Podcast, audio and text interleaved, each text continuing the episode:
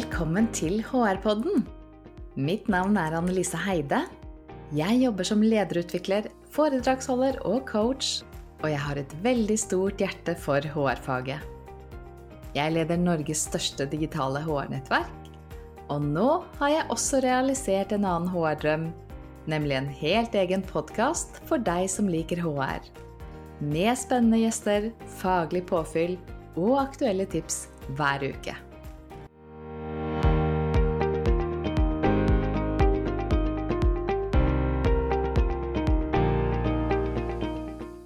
Velkommen til ukens episode av HR-podden. Denne uken så er det kompetanseutvikling som står på agendaen. Eh, og du skal få møte en av de som Er han en av de Norges fremste på kompetanseutvikling? Nå sitter han bare og smiler til meg, så nei, han smiler ikke, han gjør gymnaser.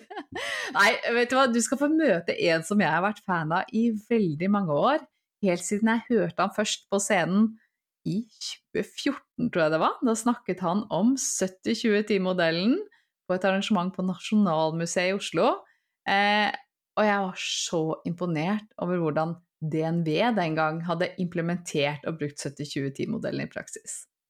Senere har han skrevet en bok, eh, 'Kompetanseutvikling som virker'. Han har vært med på nettverksmøter, han har spilt inn video med meg, eh, og jeg blir like inspirert hver gang. Så nå kan du også glede deg til å få høre på Glenn Ruud. Du, velkommen hit til Hårpodden. Tusen hjertelig takk for det. Det var hyggelig. Overveldende hyggelige ord. Det setter pris på det en, en tirsdagsmorgen. En tirsdagsmorgen rett etter ferien, for du har første dag etter ferie nå? Første dag etter ferien i dag, så det er jo litt sånn, litt sånn jetlag-hue. Liksom følelse av litt sånn jetlag. Det går litt sånn tregt. Men, ja, jeg kjenner følelsen. Jeg har fått en uke å trene, så jeg er litt, litt mer med, tror jeg. Ja. dette, dette, kommer til å gå veldig bra, det er jeg helt sikker på. Men, men, du, skal vi starte med at du får presentert deg selv, så de andre får bli litt kjent med deg? Ja, det kan jeg gjøre. Jeg, jeg er fra Fredrikstad, syns det er fint å begynne der.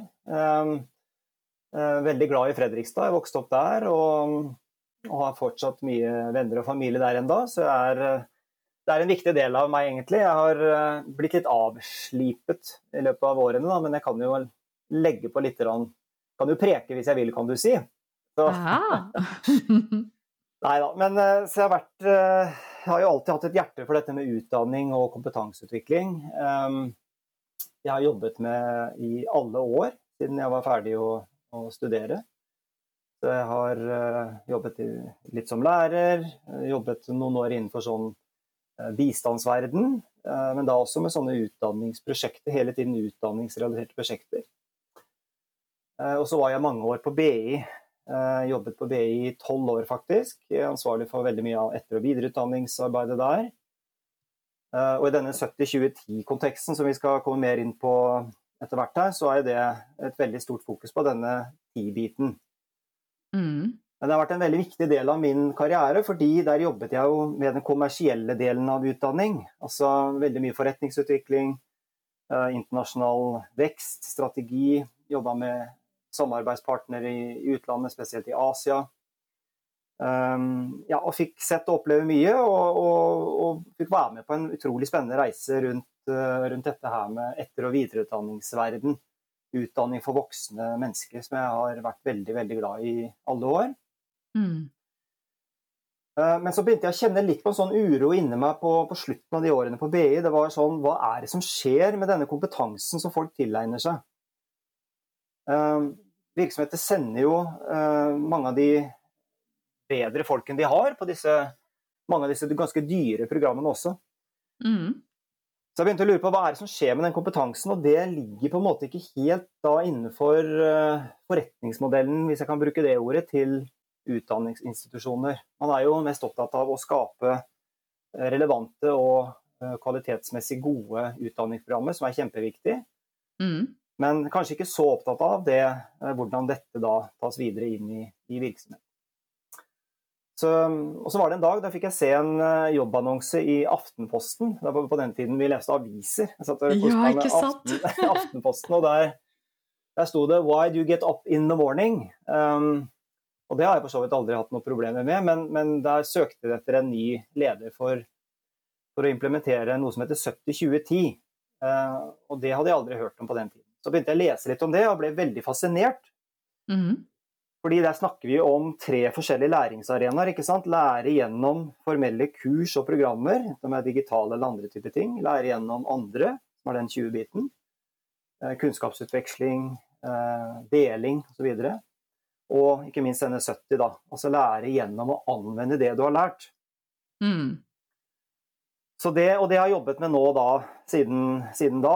Um, først da seks år i DNV, og så nå fem og et halvt år i, i, i Wilhelmsen. Så jeg tror nok jeg er en, en sånn intraprenør, hvis man kan bruke det ordet. Uh, Mm. Altså jeg er en slags gründer i selskaper. Altså jeg, lik, jeg blir veldig trigga av det å skape nye ting. Ha noe som er ukjent, nesten litt sånn tabula rasa, og så begynne å, å skape noe nytt rundt det. Det gir meg masse, masse energi. Mm. Eh, Og Det var også litt av grunnen til at jeg, at jeg begynte i, i Wilhelmsen også. Um, der skulle man bygge opp noe nytt rundt dette med læring. Jeg ble veldig trigga av det, og, og i tillegg til at jeg møtte en fantastisk eh, fin leder, som er fortsatt min, min sjef, som også er veldig viktig, viktig for meg. Det, det tror jeg er viktig for alle. At Mm. man har en leder som har noen aspirasjoner, noen drømmer, eh, som tror på noe, eh, og som, som eh, er litt i synk da, i forhold til hvordan man selv tenker. Mm. Så da har jeg jobbet med, med det i de siste fem årene der. Så, eller sånn litt sånn utenfor liksom det formelle her. Jeg, eh, jeg eh, er glad i å, å lese, og skrive, men jeg også har en litt annen, en annen side ved meg også. Jeg har drevet med selvforsvar og kampsport i, i alle år, egentlig fra jeg var 15 år gammel. Så det er jo på en Mhm. måte ja, noe som, som gir meg mye energi. Alt ifra tradisjonell kampsport, sånn som taekwondo og den type ting, til eh, Nå driver jeg med noe som heter krav maga, som er en sånn israelsk selvforsvar. Så Wow. Kult. Lærte noe nytt om deg i dag òg. Så bra. Ja. Du, I 2021 så skrev jo du denne boken, 'Kompetanseutvikling som virker'. Hva var bakgrunnen for at du hadde lyst til å lage en sånn bok? Det startet vel egentlig et lite frø ble sådd, eh, som jeg nevnte litt når jeg var på BI på slutten der, at eh, hva er det som skjer med denne kompetansen som folk tilegner seg, og hvordan får virksomheter nytte av den? Og da var det, da var det mer en sånn teoretisk eh, eller filosofisk grubling for meg. Men så begynte jeg da å få en del erfaring eh, ved å implementere denne 70-20-10, og det er ikke så lett eh, å implementere den. Det, det er veldig lett å forstå. Ja. Men den er ganske vanskelig å implementere, opplever jeg, på en systematisk og strukturert måte. Fordi det krever at folk endrer seg i måten de tenker på og jobber med kompetanse på. Mm. Så etter hvert som jeg begynte å få litt erfaring, eh, altså ikke bare jeg, vi har jo et team som jobber med disse tingene, det har det vært hele tiden, så, så så jeg at det, det var noe som fungerte, og det var noen ting som kanskje ikke er så lurt å gjøre, da. Eh, Og da begynte jeg å skrive ned disse tingene. Så jeg hadde noen sånne blogger. eh, Jeg begynte å bli invitert på en del eh, på noen foredrag, både i sånne nettverk, i bedrifter, konferanser. Så begynte jeg å skjønne at det var ganske mange som var opptatt av disse tingene her. Og som lurer på hvordan man skal gjøre det. Så tenkte jeg hvorfor kan jeg ikke da prøve å sette ord på disse tingene og skrive det ned? Mm. Så det var det som gjorde at jeg, at jeg begynte med det. da. Å prøve å samle noen av de erfaringene. Ja, ikke sant? Og jeg, jeg husker det sto om den boken i media kanskje et halvt år før den kom ut, så jeg satt jo og venta og venta på den Ja. boken, så ja, interessen var stor. Ja. Nei, det har vært Mm. veldig spennende. og det Jeg blir så glad. altså Jeg har, alltid, jeg har den boken, boken liggende her. ikke sant? Jeg, jeg, det jeg blir alltid like glad når jeg får en e-post eller noen ringer meg, eller de, de sier jeg har lest boken, og så er det noen ting der som har gjort noe med de. Eh, og bare det er en liten ting tenker jeg, som, som kan gi folk litt inspirasjon, eller noe de har lyst til å prøve ut, så, så merker jeg at det gjør noe med meg. da. Jeg syns det er veldig Mm. fint. Og så, Den er så fin, for den er så praktisk. Det er sånn steg for steg, det skal vi jo gå litt mer inn på etter hvert. Men det er noe med å ha et oppslagsverk og liksom kunne ha en modell å følge Ja. eh, når du skal jobbe med deg selv. Ja, ja ikke sant? Du, men, men før vi setter i gang med modellen og hvordan vi skal gjøre ting og alt dette her, eh, hva, hva er det som går så gærent når vi skal investere i kompetanseutvikling i organisasjoner? Det var jo en grunn til at du kjente at du måtte gjøre dette her, eller skrive Ja. den boken. Nei, eh, det, det som jeg ser eh, kan gå galt her, eh, det er vi jeg vil kanskje si fire ting, da. Eh, det første er at man bruker altfor liten tid på, på det å forstå eh, virksomhetens mål og planer. Det vil si at man, man, man blir ikke alltid in synk med de absolutt viktigste tingene som, eh, som virksomheten er opptatt av, for å, for å hjelpe til og understøtte at man oppnår de målene. Jeg tror Det som er veldig viktig, som jeg ser mer og mer av, er at man må forstå virksomhetens strategi, man må forstå virksomhetens taktiske prioriteter. Mm. Eh, Og så legge seg så tett opptil som mulig ved å lage da kompetanserelevante aktiviteter tilknyttet eh, det. da. Mm. Det andre er jo at man fokuserer altfor mye på formelle kurs og programmer. Ja. Altså det, og jeg sier ikke at det ikke det er viktig, det er kjempeviktig. Og det kommer til å bli mer og mer viktig framover, faktisk. Men man bruker altfor liten tid på å tilrettelegge for kunnskapsdeling og støtte implementering av, av kompetanse. Da. Det tredje er jo at ledere har en altfor eh, perifer rolle i kompetansearbeidet. Mm. Um, Det blir ofte slik at det er HR eller eh, opplæringsfunksjonen som driver, og, og, og, driver dette fremover. Mens ledere blir litt mer sånne passive tilskuere og, bestillere av, av kompetanse, eh, kompetansetiltak. Jeg mener at ledere må trekkes mye mer tettere inn uh, i samarbeidet med de som jobber med å utvikle kompetanserelaterte tiltak. Og også ta en veldig aktiv rolle når man også skal, skal snakke om å implementere disse tingene. Da. Mm. Ja. Og det siste poenget jeg har lyst til å si, er at man vet for lite om effektene av det man gjør. Ja. Eh, Slik at man måler, man måler veldig ofte grunnleggende ting som Likte du det du lærte? Eh, Føler du at du har fått ny kompetanse? Føler du at du nå er litt mer eh, hva heter det på norsk igjen, confident, eller altså at du har økt selvtillit til å kunne ta i bruk ting? Men man går ikke så mye lenger enn det. Eh, Så jeg tror det er også en veldig viktig del for, å, for, å sikre, eh, for å sikre at, man, eh, at ting går, går bra. Fordi ved at man får den innsikten, så er det mye lettere å, ta gode beslutninger på hva man skal gjøre videre. Og man har også gode historier på hva man ser fungerer bra, som gjør også at man får et mye sterkere eierskap og jeg skal kalle det for forankring i ledelsen også rundt, rundt videre satsinger. Ja, ikke sant. Ja, nei, men det, det er veldig gode poeng. Og jeg kjenner jo igjen uh, selv dette her med eh, å klare å dokumentere effekten, måle effekten og sånne ting. Det er ikke så enkelt. Nei. Mm. Du, uh, hva er noen Jeg har også bare lyst til å spørre deg før vi gang, går i gang med modellene. Hva er noen vanlige misforståelser om kompetanseutvikling i organisasjoner? Ja.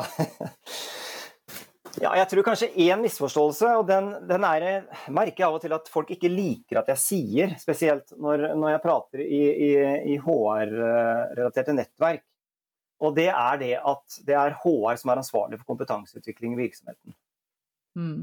Det er det altså ikke. Um, Det er den enkelte leder som er ansvarlig for sine folk, og derved også ansvarlig for å sikre at de har den kompetansen som trengs for å kunne utføre den jobben de skal gjøre, men også ansvarlig for å sikre at de får utviklet seg. Mm. Det betyr ikke det at HR eller sånne personer som meg også, som jobber innenfor læring og utvikling, ikke har en viktig rolle. Vi har en kjempeviktig rolle. Vi skal tilrettelegge for muligheten til å utvikle seg, vi skal tilby ulike utdannings- eh, eller eh, utdanning- og opplæringsrelaterte program. Vi skal fasilitere for muligheten til å, til å dele kompetanse. Vi skal støtte og sikre at kompetansen blir tatt i bruk. Vi skal måle. Vi gjør masse ting. Det er på en måte vi som driver dette fremover. Mm. Kanskje ikke minst hjelpe også lederne til å se sin rolle, og hvordan de kan forvalte den på en god måte i forhold til kompetanseutvikling. Det er en kjempeviktig poeng, og det å hjelpe ledere til å forstå hva betyr det å være en god kompetanseleder. Mm. Veldig mange ledere sliter med det. De, uh, mange ledere vet bl.a. ikke hvordan skal jeg klare å la oss si det sånn, da, oversette kompetanseimplikasjonene av mine taktiske prioriteter det kommende året. Ikke sant. Hvordan gjør jeg det? Hva betyr det?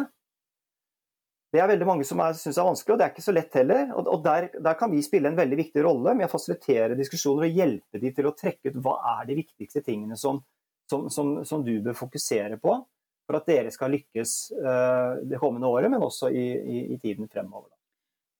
Jeg tror like mye at det er mange HR-ledere som blir glad og lettet over å høre deg si det. For man blir litt sånn Ja, men hvordan skal jeg ta vare på kompetanseutviklingen? Jeg vet jo ikke hva folk trenger å lære. Man får nesten et litt for stort ansvar i forhold til det innholdsmessige, som det ikke har noen forutsetning for å gjøre noe med, hvis det ikke er den generiske kompetansen, da, det som gjelder alle i organisasjonen. Ja, ikke sant. Mm. Nei, og punkt nummer to er jo, eh, tilbake til det mant mantraet mitt igjen, da, at kompetanseutvikling er mer enn bare å gå på et kurs. Mm. Om det er digital kurs, klasseromskurs, konferanse, ta en e-læring, video osv. Og det, er, det sitter veldig, veldig tungt uh, i, uh, hos folk. Um, jeg merker det, og det, det, tar lang tid å endre den forståelsen at kompetanseutvikling er mer enn bare å, å gå på et kurs. Mm. Det fins andre læringsarenaer også, men, men, grunnen til at det å gå på et kurs er så lett å forholde seg til, for det er så veldig konkret. Ja.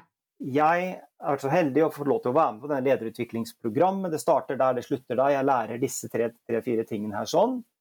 Uh, og så er vi på en måte uh, ferdig med det, da. Så, så det også, og det er jo veldig mye av det som er krevende i den 70-20-10-implementeringen.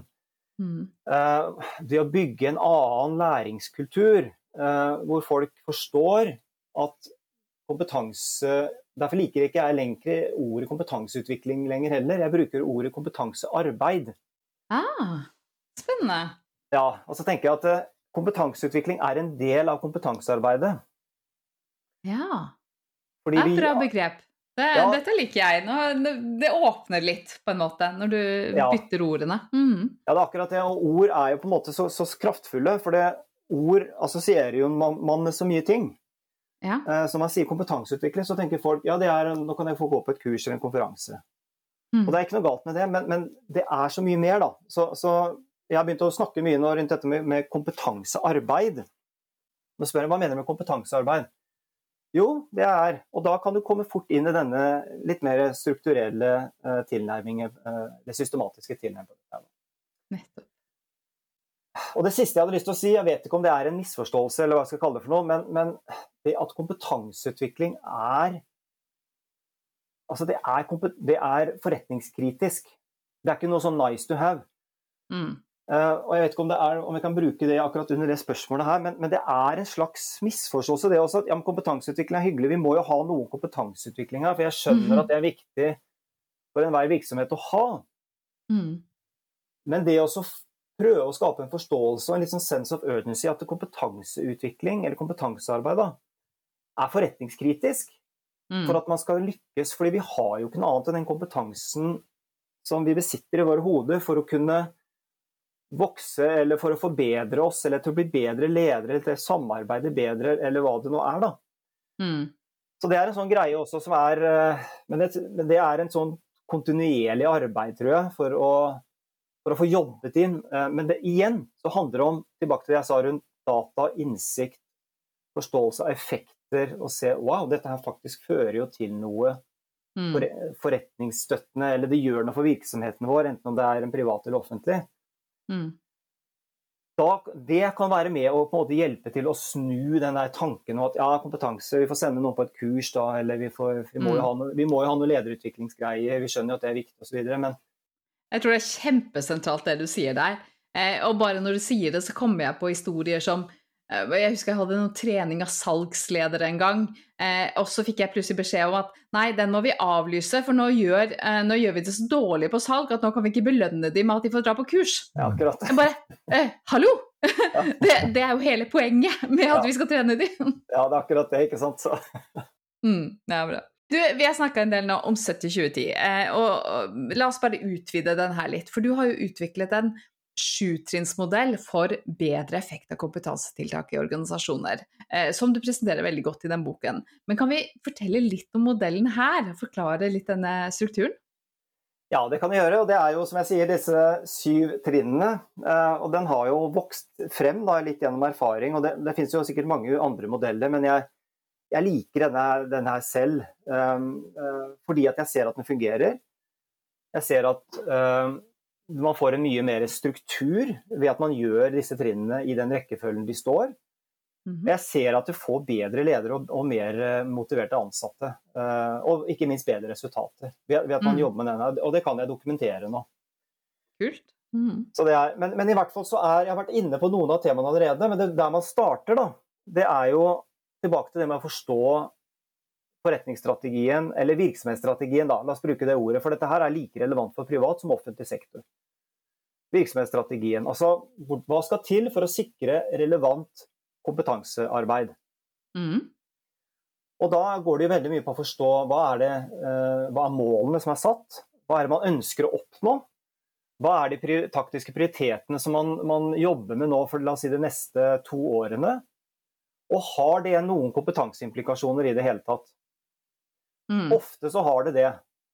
Uh, oftest. Eh, det har alltid det, men det handler om å finne de, de viktigste elementene da, uh, som man da bør fokusere på.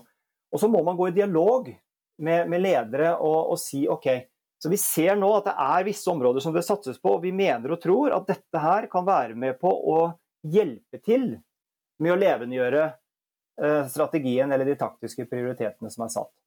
Mm. Og så handler det om da å, å velge ut disse tingene, da.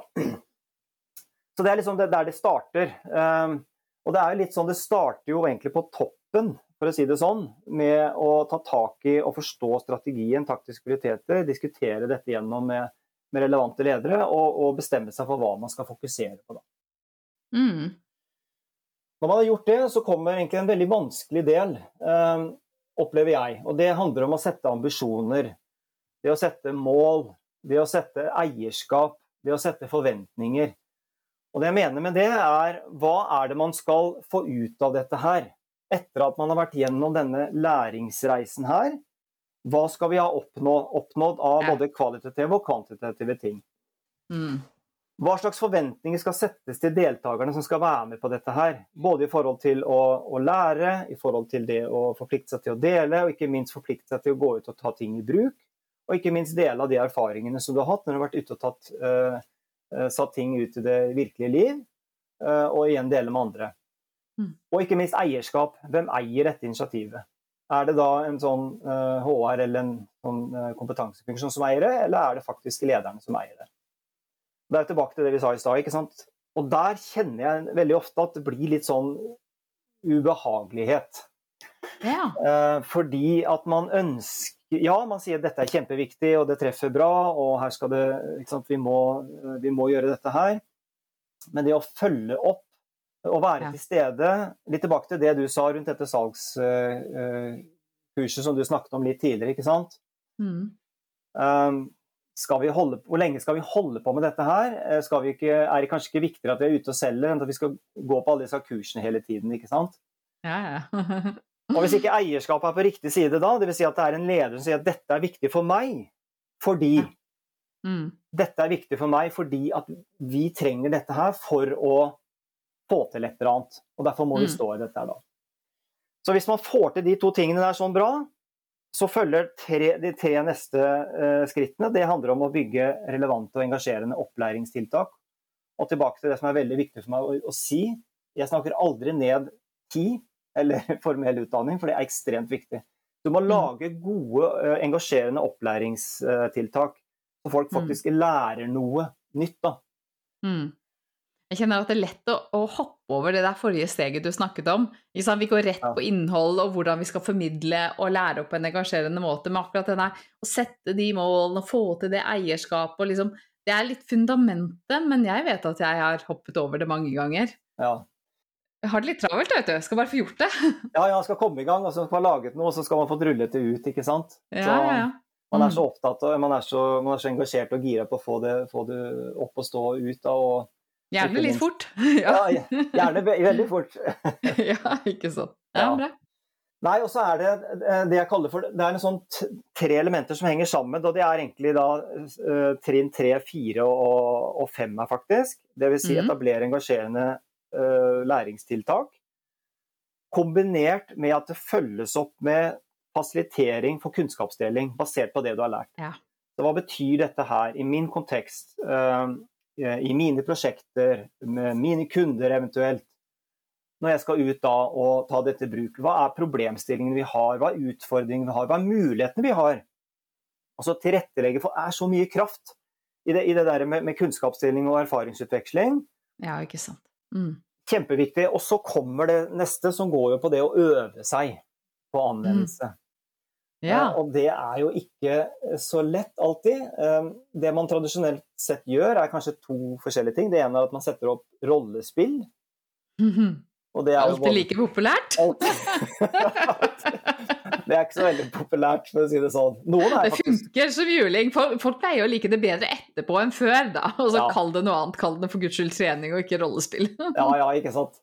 Så, men, men det, det, gjør man jo, og det, og det, har jo også vi gjort ganske mye. og det, det, funker noen ganger, andre ganger noen kan jo ikke fordra det, så det har nesten en negativ verdi. da. Og så har jo ikke noe det har ikke noe skalerbarhet rundt seg. Det er noe som skjer der og da, og så er du ferdig. Du kan jo ta med deg dette skriptet, og så kan vi øve oss etterpå, liksom. Men, men, det er på en måte noe som skjer der og da. Så, men det er i hvert fall én måte å øve seg. Men det fins andre måter også, jeg skal komme litt til det etterpå. Mm. Uh, og så er det noe med etter at du har lært noe, du har diskutert noe, du har øvd deg litt, og så er det noe med å forplikte seg til å, å gjøre noe med dette her i det virkelige liv. Ikke sant. Mm. Og det leder jo over til, til, eh, det sjette trinnet, det å gå ut og anvende kompetansen. Være veldig konkret. Jeg skal, jeg skal prøve tre ting, eller én ting skal jeg prøve de neste seks ukene nå, uh, og sette ut i liv. Og så gjør man det over en viss periode, gjerne fire til kanskje seks uker. Og så samles man igjen og deler av erfaringer. Mm. Og det er liksom det syvende trinnet. Det å dele erfaringer, eh, måle resultater, løfte opp historier. Mm. Um, og, og, kommunisere det ut til organisasjonen, for det, det mobiliserer mye kraft. Mm. Uh, så vi har også brukt mye tid på det, det å skape historie, kommunisere det ut i organisasjonen, få fram mennesker. Mm. uh, som skaper litt stolthet, og folk da begynner å titte litt mot den, kanskje den avdelingen eller det, den delen av verden og se ja, hva som skjer der borte, ikke sant? Og så ikke minst den forpliktelsen i at du skal tilbake og fortelle om hva du gjorde, hvordan du anvendte det, og hvilke erfaringer ja. du har, som gjør at du faktisk får gjort det. Ikke sant. Det er akkurat det. Mm. Så det er eh, Nei, så det er eh, Og, og denne her kjører vi jo da i um, store sammenhenger og mindre sammenheng. Og det er klart, etter hvert som du har bare for å si det da, Når du har forstått strategien, taktiske prioriteter og gjort uh, vurderinger i forhold til kompetanseimplikasjoner av det, så er det ikke sånn at du gjør det hele tiden gjennom hele året. Altså, da begynner det å bli klart, og da begynner du å få på plass en del områder. Mm. Så når jeg sier at dette går liksom som en sånn sirkel, så, så går det da gjerne tilbake til eventuelt andre områder du skal gjøre ting. Mm. Men den der, trinn to-en av det å sette ambisjoner, eierskap, forventninger og det jeg snakket om i stad, det blir altså utrolig viktig på, på, initiativ til initiativ til initiativ. Ja. Du, jeg er litt nysgjerrig på, for det, det er jo ca. nå to år siden denne boken kom ut. Ja. Eh, og du jobber innenfor et fagfelt som er i rasende utvikling. Ting går fort. Eh, hvis du skulle gjort en revidering av den boken i dag, hva ville du ha endra på, eller er det noe du ville lagt til? Ja, det er, eh, det er, kanskje to ting. Det ene er eh, Jeg skriver en del om det i denne boken, dette med viktigheten av, av ledere. Mm. Og jeg ser det blir viktigere og viktigere og viktigere at ledere er veldig aligna på hva Om man er enig om hva man skal gjøre. Da, tilbake til det punkt to i denne eh, syvtrinnsmodellen. Mm. Um, og så kanskje ut, jobbet videre med det. Det andre er jo det som er Jeg har sett de siste to årene nå det er at 70-20-10 er en fantastisk modell, og det er ganske logisk. Altså Jeg lærer noe, jeg diskuterer litt med noen, så går jeg ut og tar det i bruk. Mm. Det som jeg ser mer og mer av, er at når ting blir ubehagelig, vanskelig eh, Jeg kjenner at dette her er eh, veldig sånn Veldig ubehagelig for meg, da. Mm -hmm. Litt sånn, si, hva, eksempel, hva er det som kan være veldig ubehagelig? Ja, Det som kan være veldig ubehagelig, er at uh, la oss si at man introduserer en helt ny måte å tenke og jobbe på med salg, f.eks. Ja. En helt ja, ny salgsmodell, f.eks. Og så skal man da mm. ut og plutselig tilnærme seg kundene på en helt annen måte enn det man har gjort før. Mm.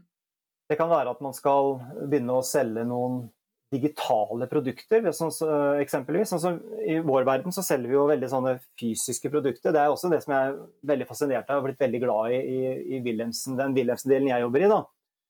Man selger jo liksom ordentlige ting. Det er, er, ikke, bare, det er ikke, bare, sånn kompetanse og, og, og sånn, øh, men man selger liksom ordentlige ting. da. Men, men et eksempel kan jo være at plutselig skal man begynne å selge digitale produkter, f.eks. eh, så skal man lære noe. Så, man, så, det handler veldig om at man må gå ut på en litt annen måte da, enn det man har gjort før. Og mm. noen, for å si sånn, noen blir veldig trigga av det, syns det er helt fantastisk. Mens veldig mange syns det er veldig veldig krevende, og det er veldig ubehagelig. Mm. Så, så det, den der logikken mellom at jeg lærer noe, kjempespennende, jeg går på dette kurset, vi diskuterer det, og så bare gønner jeg på, jeg går ut og, og tar dette i bruk med en gang. Mm. Det skjer ofte, men eh, ikke alltid. Nei. Og grunnen til dette ikke alltid er grad av ubehag. Mm. Eh, og måten vi har prøvd å plastre på det før, som vi snakket om i stad, var at la oss ha noen rollespill. da. Så vi kan liksom prøve å leke litt den virkeligheten. Eh, men så funker ikke det helt. Så, så dette med å øve seg er jo et område som er veldig spennende. Så vi har startet et innovasjonsprosjekt nå.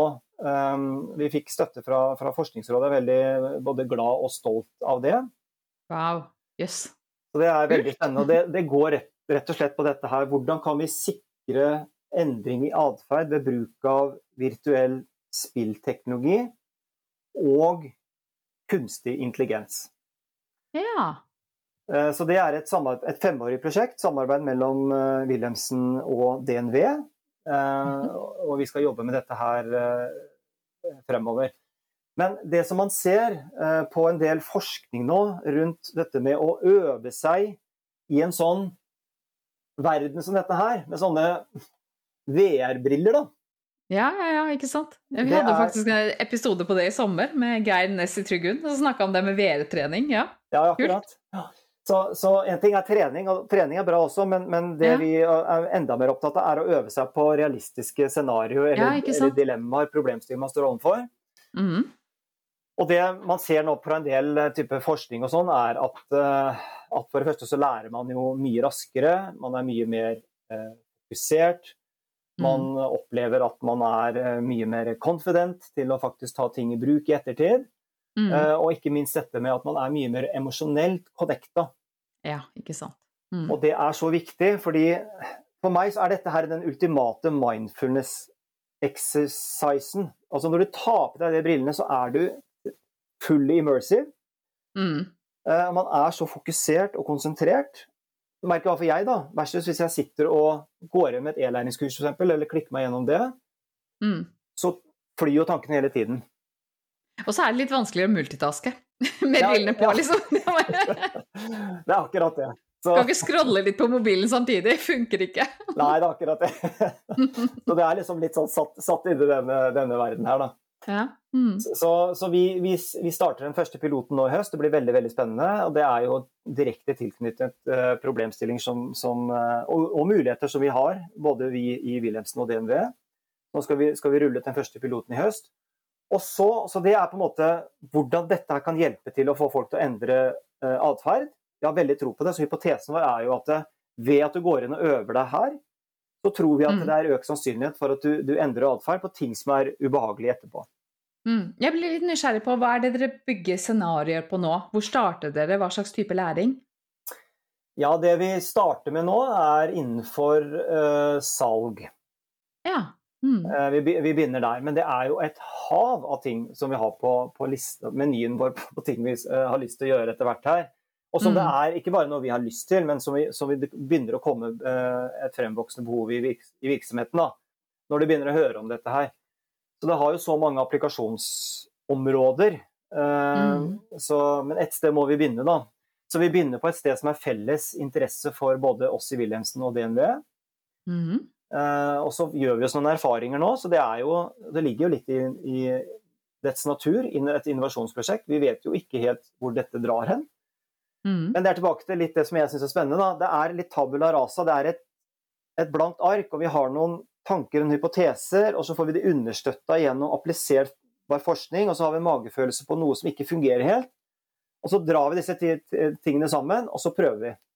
Ja, Så dere skal forske på det også nå, og dokumentere effekten og se liksom ja. Rett og slett lære litt underveis mens dere gjør dette her? Ja, og det er en kjempeviktig del av dette prosjektet her. Så, og det leder meg over til det, det andre punktet i prosjektet, og det er det, den der kunstig intelligens-biten. Og, og, det kan man jo si veldig mye om. Og jeg er ingen ekspert på det.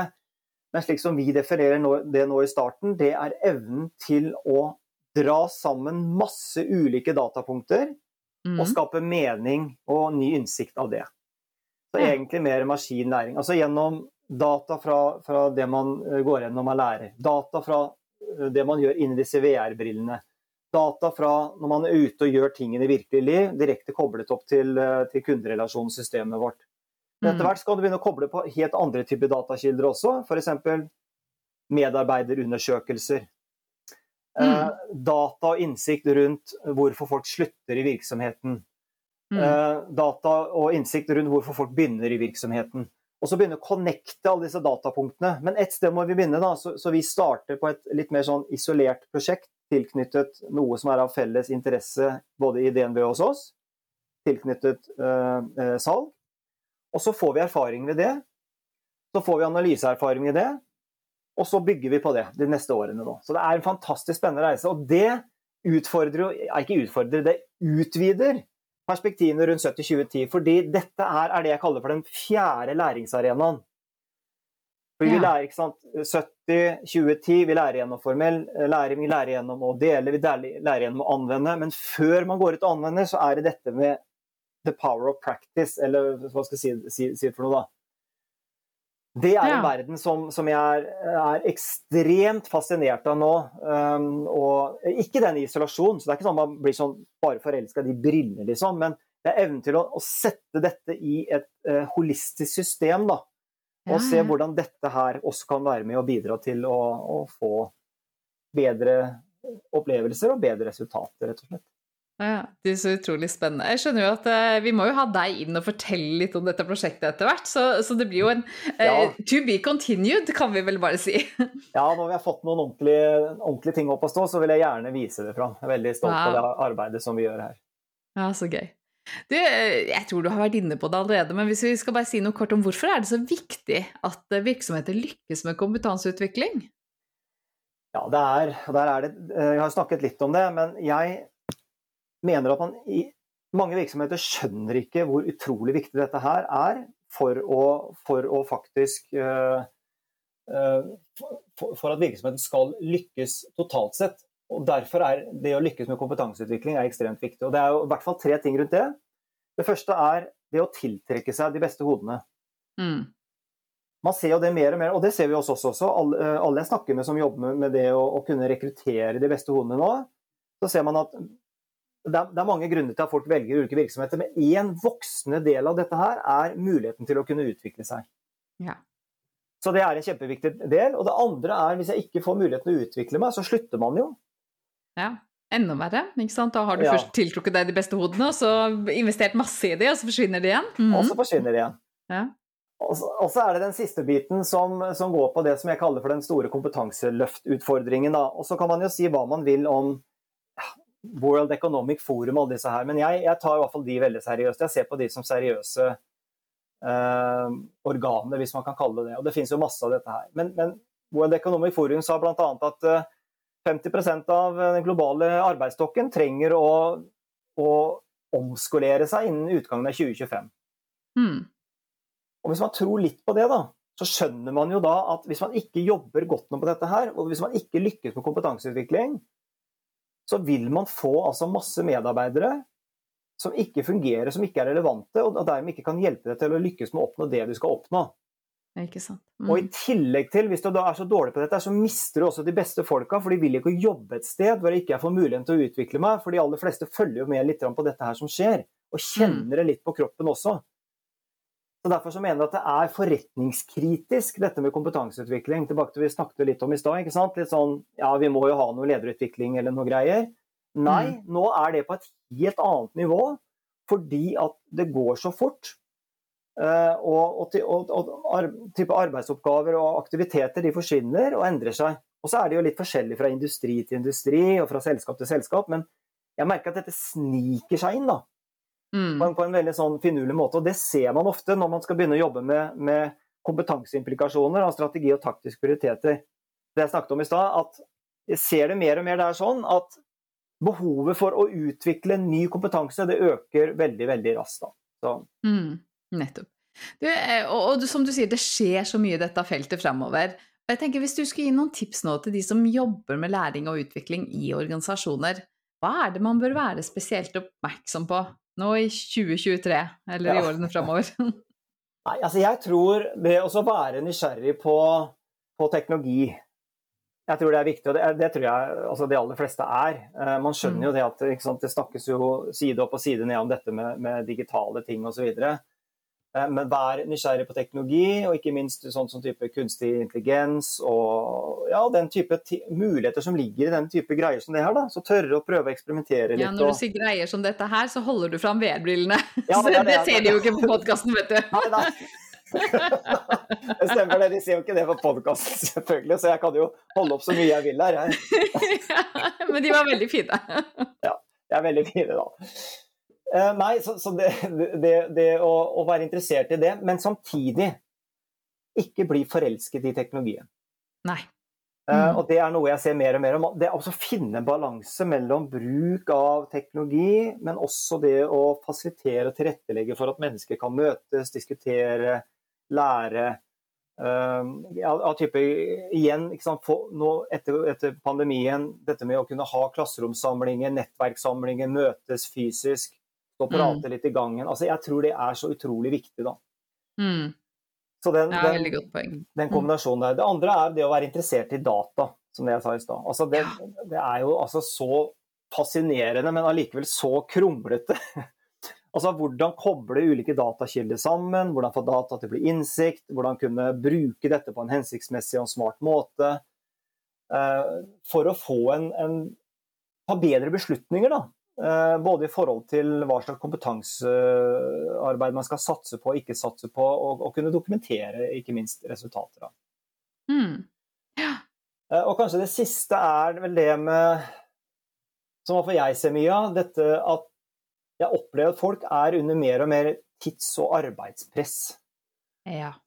Og dette her er jo et tema som man har snakka om alltid, men jeg opplever at det er litt annerledes nå, faktisk. Um, at presset øker øker mer og mer. Og jeg tror det har litt med det jeg nevnte i stad, ting går så fort nå. Eh, dette behovet for å omskolere seg øker eh, raskere og raskere. Det er litt sånn usikkerhet. Eh, Forskning.no hadde jo en artikkel her forleden. 40 ønsker å slutte jobben sin. Altså genuint ønsker å slutte. Altså det, og ikke har noen planer om å finne seg en annen jobb et annet sted. Altså, det er så mye, mye sånne ting som skjer, og jeg tror det har noe med hele hvordan arbeidslivet har blitt. Eh, dette arbeidspresset, tid, usikkerhet rundt min kompetanse, min fremtid osv. Så, mm. så det å lage da, poenget mitt rundt det med læring, da, eh, det å lage læringsløp som er engasjerende, som folk opplever at det treffer tilbake til relevans igjen, det treffer i forhold til noe som kan gi verdi for dem.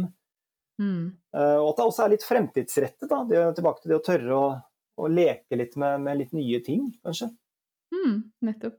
Ja, mange gode poeng der. Og som du sier, det, det, skjer noe i arbeidslivet, og dette med tempoet og tid og eh, Det er jo en mulighet til å skille seg ut uh, positivt også her. Det er jo en ja. unik mulighet til å liksom ta en posisjon som gjør at folk kjenner at wow, her ja. blir det virkelig investert i meg og min utvikling, som igjen er til det beste for virksomheten. Uh, og... Ikke sant. Det er akkurat det. Ja.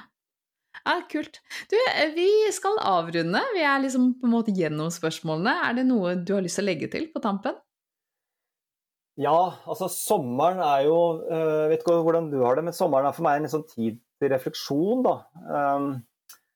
Jeg leser litt andre typer litteratur og prøver å tenke litt hvordan har dette første halvåret vært, og hvordan skal det neste halvåret bli, og sånt. Og nå er det jo mye snakk om denne oversvømmelsen, men, eh, men det er litt andre ting også her. som eh, Spesielt dette med, med denne krigen i Ukraina er noe som, som berører oss, eh, tror jeg alle, og fortsetter å berøre meg veldig mye. Jeg, men det som jeg syns er så fascinerende der, er denne kampviljen og den samlende delen du har rundt det. Men, men jeg følger han derre Vladimir Klitsjko, er ikke den heter? Han borgermesteren i Kiev. Mm -hmm. Og han la ut et sånt sitat på LinkedIn. da. Han la ut et sitat her om dagen. Han sa det at The goal of education is not knowledge, it's action. Mm. Og det er klart, i deres kontekst så er jo det eh, klart annerledes, men, men, det er jo litt i hjertet av det som vi har snakket om her, da. Ja man kan lære å gå på kurs, og man kan bli inspirert og, og, og, og sånne ting, men, men, man må handle, da. Og man må tørre å handle. Man må tørre å gjøre, gjøre ting litt annerledes. Det å gå litt på utsiden av komfortsonen. Det å kjenne litt på det ubehaget og, og, tørre å gjøre det. Så, så, så, det er på en måte en sånn ting liksom på tampen, kanskje bare sånn oppsummere, opps, oppsummere ting her. At uh, det er ikke farlig å, å eksperimentere og prøve litt. Mm. Og det er jo litt av det som jeg har prøvd å, å si litt i denne boken også. Altså, denne boken er jo basert på masse prøving og feiling og, og bare teste ting. Mm. Man tror på noe, så bare prøve litt, da. Og da er du inne på litt sånn smidig arbeidsmetodikk eller agil tilnærming. At vi Det å gjøre og reflektere og lære, eh, for da får Det blir jo kompetansearbeid i praksis. Helt riktig. Mm. Det er akkurat Nydelig. det. Du, det var et fint sted å avslutte. Tusen takk for at du var med på HR-podden i dag, eh, Glenn. Det var fantastisk å høre på deg igjen. Ja, tusen takk for at jeg ble invitert. Alltid hyggelig å, å få snakke med deg.